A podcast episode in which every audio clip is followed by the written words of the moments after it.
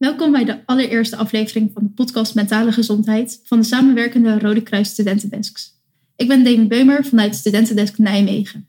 In deze aflevering gaan we in gesprek met Tom van Os namens de organisatie Frisse Gedachtes, een platform dat een luisterend oor biedt voor studenten. Wat kunnen jongeren die wel eens last hebben van eenzaamheid doen en hoe kunnen we andere jongeren helpen? Tom helpt ons aan de antwoorden op deze vragen. Luister thuis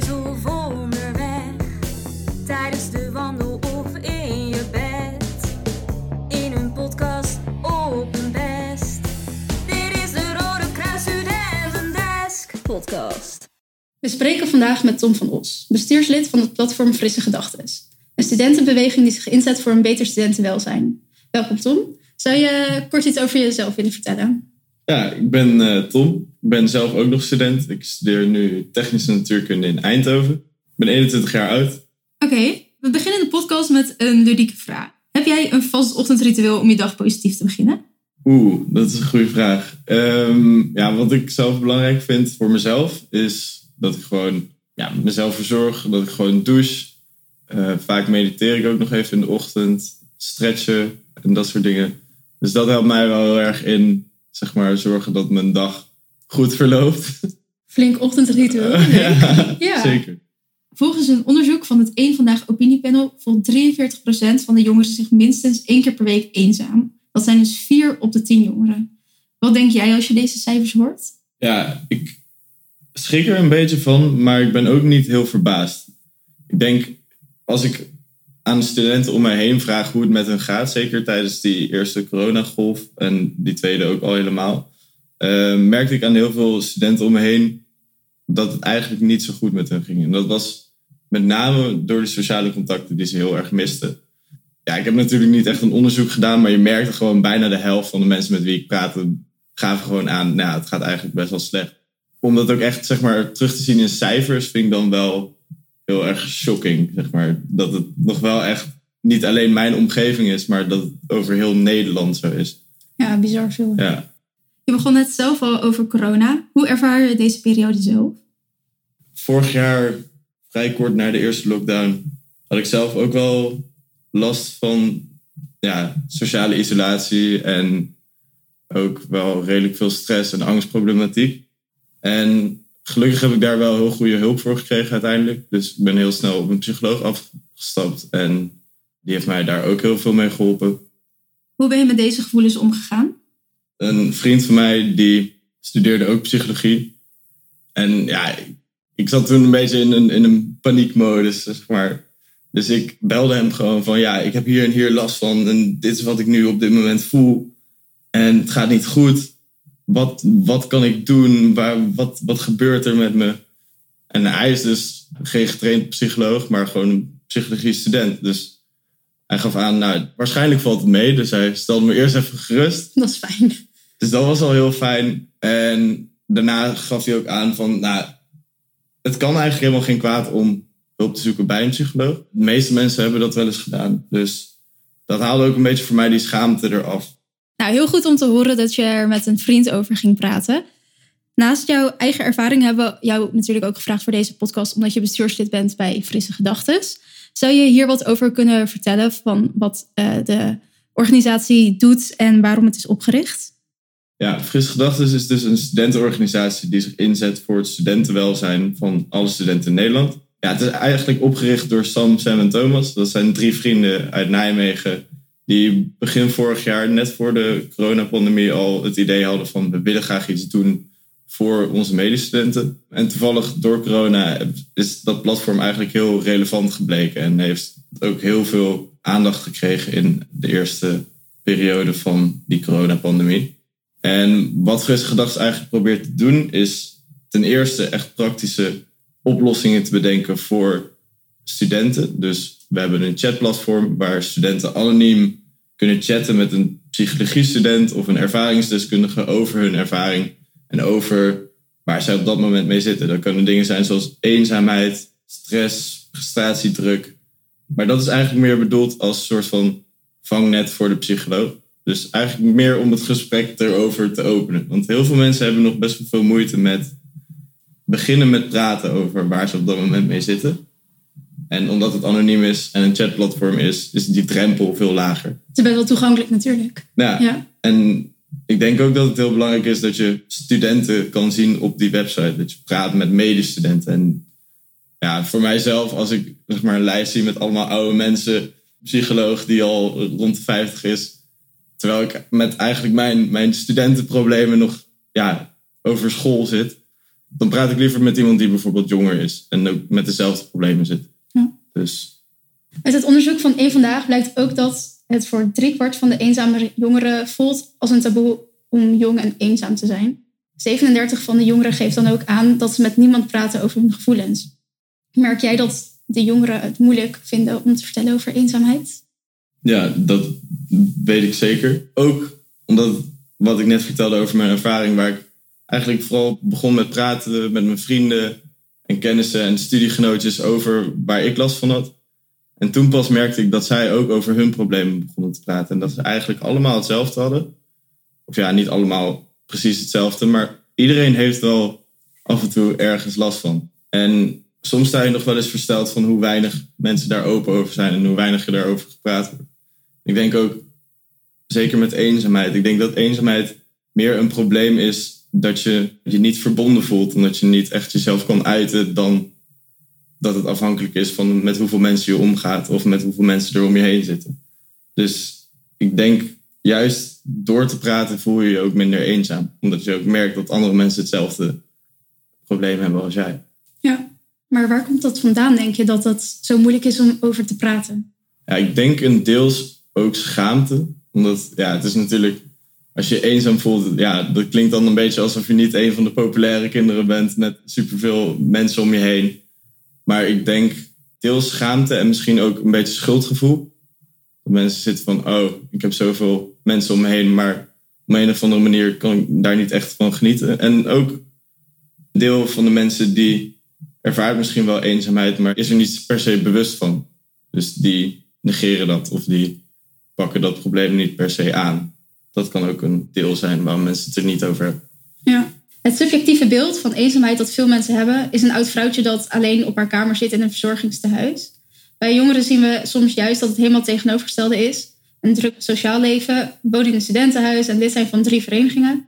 En wanneer ze dan thuiskomen na een leuke dag, dat dan gevoelens van eenzaamheid opkomen. Of dat ze op een feestje zijn, omringd door mensen en zich daar toch alleen voelen. Vind jij dit ook herkenbaar klinken, dit beeld? Ja, het is zeker herkenbaar. Voor mezelf is het ook wel herkenbaar, denk ik. Vorig jaar had ik dan ook, dan zat ik bij een studievereniging en ik had heel veel vrienden om me heen. En ja, op een gegeven moment dan valt het opeens weg, ook deels door corona. Dan heb je een beetje dat rare gevoel dat je, ja, precies eigenlijk zoals jij zei, op een feestje staat met heel veel mensen om je heen. Het is super gezellig. Maar toch zit je daar een beetje in jezelf ellendig te lopen wezen, laat ik het zo zeggen. En ja, dat is niet per se omdat er dan weinig mensen om je heen zijn, maar meer omdat je je niet echt verbonden voelt aan die mensen. Dus in een kroeg, ja, er zijn heel veel mensen om je heen, het is heel gezellig, maar wat voor een band heb je met die mensen? Ja, niet echt een band. En dat is denk ik waarom je in, in zo'n situatie wel eens eenzaam kan voelen. Ja, dus het is vooral het verbonden zijn, voelen met mensen. Dat is, wanneer je dat niet hebt, dan voel je je eenzaam. Terwijl het beeld van eenzaamheid misschien is, je hebt weinig mensen om je heen. Wat Ja. natuurlijk dan niet per se aan elkaar gekoppeld is. Ja, ik denk dat dat precies een beetje de essentie is van wat het verschil is tussen het beeld van eenzaamheid en wat eenzaamheid ook daadwerkelijk is. Het maakt ook niet uit of je beroemd bent, eh, superrijk of heel veel mensen om je heen. Niemand is immuun voor eenzaamheid. Iedereen kan zich eenzaam voelen. Het maakt niet uit met hoeveel mensen je omgaat, hoeveel mensen je kent, hoe beroemd je bent. Iedereen kan zich eenzaam voelen. En ik denk dat dat meer afhankelijk is van ja, de connecties die je hebt met mensen. Sommige mensen hoeven ook niet per se alles te delen en dat is ook prima. Maar vaak verstoppen mensen ook heel vaak hun gedachten of hoe ze zich voelen. En ik denk dat dat de momenten zijn waar mensen zich eenzamer gaan voelen. Als ze zich van binnen anders voelen dan dat ze voordoen aan de buitenwereld. En sommige mensen hoeven zich niet heel erg anders voor te doen aan de buitenwereld. En sommige mensen die hebben dat wel. En denk je dat dit subjectieve beeld, wat al eerder geschetst was, bijdraagt aan het feit dat jongeren het moeilijk vinden om te praten over eenzaamheid? Ja, ik denk dat dat, dat beeld van eenzaamheid, dat dat ook voor een redelijke schaamte zorgt. Dat ja, wanneer je bij iemand aankaart van ja, ik voel me wel eens eenzaam. Dat iemand dan zit van, oh ja, maar eh, praat je dan nooit met mensen? Of ga je dan nooit met mensen gewoon wat leuks doen? Of ga je nooit chillen? Of wat, wat, dan krijg je gelijk een oordeel over je heen, zeg maar. En ik denk dat het, omdat dat beeld zo ver weg is van wat het eigenlijk is, denk ik dat dat wel best wel schadelijk kan zijn ook. Ja, ja, het kan ook allebei natuurlijk tegelijkertijd. Dat je ook echt weinig mensen om je heen hebt, omdat je bijvoorbeeld, zeker met bijvoorbeeld corona, dan heb je opeens veel minder mensen om je heen, omdat je ook wat sociaal geïsoleerder bent. En als je dan ook nog het gevoel hebt dat je niet met mensen kan praten die in je omgeving zitten, de mensen die nog over zijn, dan kan je je echt wel in die wat ja, heftigere eenzaamheidsgevoelens gaan banen. Dat kan dan nog wel best wel een probleem worden. Hoe kan je nou eenzaamheid bij jezelf herkennen? Ja, er zijn verschillende manieren waaraan je dat kan merken, denk ik. Denk ook deels aan je gedrag of aan hoe je je voelt. En gedrag zou meer zijn van oh, je zorgt wat minder voor jezelf, je eet minder. En ja, dat zijn allemaal signalen die je wel kan oppikken van oh ja, ik voel me wat eenzamer. Maar je kan het ook voelen dat je je vaak somber voelt, dat je vaker angstig bent. Of ja, bijvoorbeeld juist heel erg in paniek schiet als je met, weer met mensen moet gaan praten. Dus dat zijn allemaal best wel belangrijke signalen als je ja, eenzaamheid wil, als je, als je Als aan je eenzaamheid herkent. denkt voor jezelf. Ja, ja. Nou, je gaf al eerder aan dat je zelf ook wel eens eenzaam hebt gevoeld. Kan je nog iets meer vertellen over hoe je daar toen zelf mee om bent gegaan? En of je dat achteraf ook nog de beste manier vond? Ja, ja er zijn meerdere momenten in mijn leven geweest waar ik me wel eens eenzaam heb gevoeld. En ik denk dat het wel in te delen is in twee verschillende vormen van eenzaamheid. De ene is echt je een tijd lang echt eenzaam voelen en het gevoel hebben dat je niemand hebt om mee te praten, zeg maar. Dat is wel echt de eenzaamheid die ook echt heel problematisch is, in mijn mening. En dan heb je nog een ander soort eenzaamheid en dat is gewoon, oh, ik heb de laatste tijd mijn vrienden niet meer zo lang gezien. Ah. En dan voel je je tijdelijk even gewoon kloten, omdat je gewoon even niemand om je heen hebt. En beide heb ik wel meerdere keren gevoeld, maar ik denk voor mij de keren dat ik me echt langere tijd eenzaam heb gevoeld en het gevoel had dat ik met niemand kon praten, dat was voor mij aan het begin van mijn studie. Dus dan ging je naar een andere stad en je ging in een andere omgeving en je kende daar nog helemaal niemand. Alles nieuw. En ja, alles is nieuw. En ja, je moet eigenlijk je hele sociale leven opnieuw opbouwen. En dat heeft voor mij best wel een tijdje geduurd totdat ik me echt thuis voelde, ook in de stad waar ik ging studeren. En dat was best wel een lastige periode.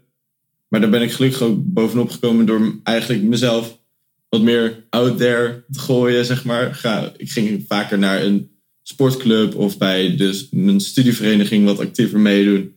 Dus daarvoor raad ik aan, als je in een andere stad gaat studeren of zo, meld je vooral aan bij zoveel mogelijk dingen. Ga dingen doen. Ga op salsa les, ga boksen, ga bij een studievereniging of een studentenvereniging, kan ook.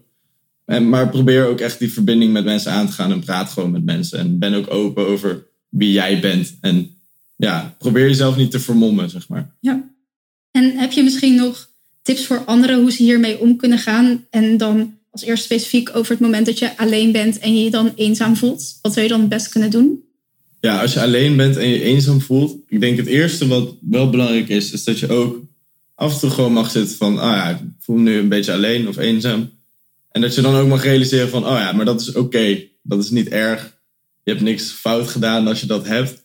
En dat is prima. Je mag je ook wel eens eenzaam of even alleen voelen. En dat is goed. Maar als je echt in zo'n langere sleur zit van, oh, ik voel me eenzaam.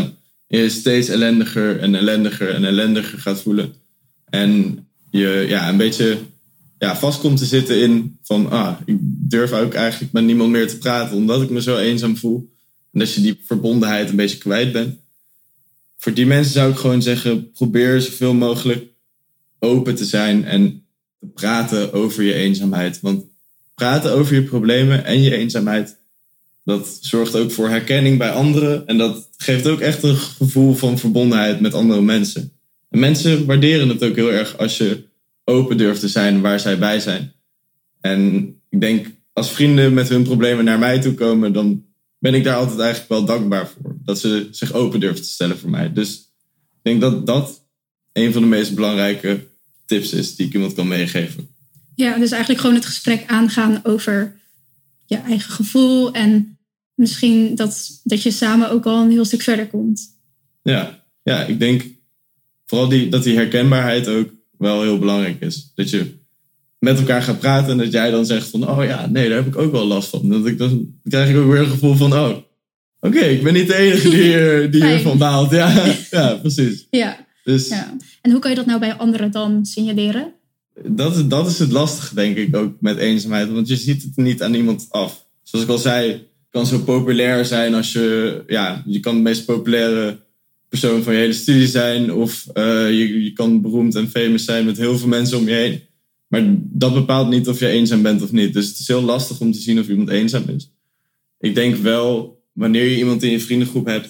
die zich wat meer is teruggetrokken opeens... en eh, wat minder goed voor zichzelf zorgt en wat minder erbij is, dat het wel heel erg belangrijk is om dan even een appje te sturen van hey, hoe is het? En gewoon dat gesprek even aan te gaan. En je hoeft niet gelijk iemand te benaderen van hey, yo, ik merk dat je je eenzaam voelt. dat Nee, is ook een beetje confronterend. Maar ik denk dat het ook gewoon belangrijk is om gewoon te vragen even van hey, hoe is het? Wil je binnenkort even wat gaan doen? En misschien beginnen ze dan zelf met praten over hun eenzaamheid of over andere problemen waar ze op dat moment mee zitten. Ja, dus eigenlijk conclusie is dat je eigenlijk altijd het gesprek aan moet gaan om ja, weer verder te komen in om dingen beter te kunnen herkennen en ja, misschien ook tot oplossingen te komen. Zijn er verder nog dingen die je kan doen om anderen die zich eenzaam voelen te helpen? Ik zou zeggen, zeker tijdens nu weer een lockdown, zorg gewoon voor elkaar, let gewoon op elkaar en behandel elkaar gewoon alsof je familie bent. Gun elkaar liefde en respect. En ik denk dat dat al meer dan genoeg is om in jouw vriendenkring eenzaamheid een beetje tegen te gaan. Nou, heel erg bedankt Tom dat je zo open met ons het gesprek aan wilde gaan over dit nou ja, best wel intieme onderwerp eigenlijk. En dat je je gedachten met ons wilde delen en dat je wilde bijdragen aan deze podcast. Ja, dankjewel. Dankjewel dat ik mocht praten met jullie. Super dat je hebt geluisterd naar deze podcast over eenzaamheid onder studenten. Hopelijk heb je er wat aan gehad en kun je het eventueel ook meenemen in je eigen leven. Binnenkort komt er weer een nieuwe aflevering van de Rode Kruis Studentendesks. En graag tot dan. Dit is de Rode Kruis Studentendesk podcast.